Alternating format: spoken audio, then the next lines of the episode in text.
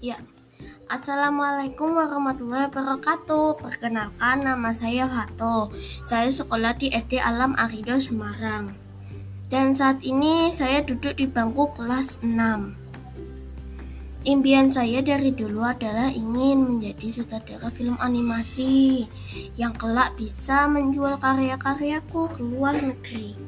Maka dari itu saya harus belajar sejak si dini dan mulai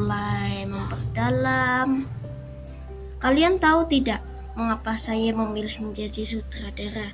karena saya ini orang yang suka merancang suatu benda atau suka berimajinasi ya. Juga saya itu orang yang mudah memahami suatu bahasa yaitu aku bisa bahasa Inggris, bahasa Mandarin juga bisa.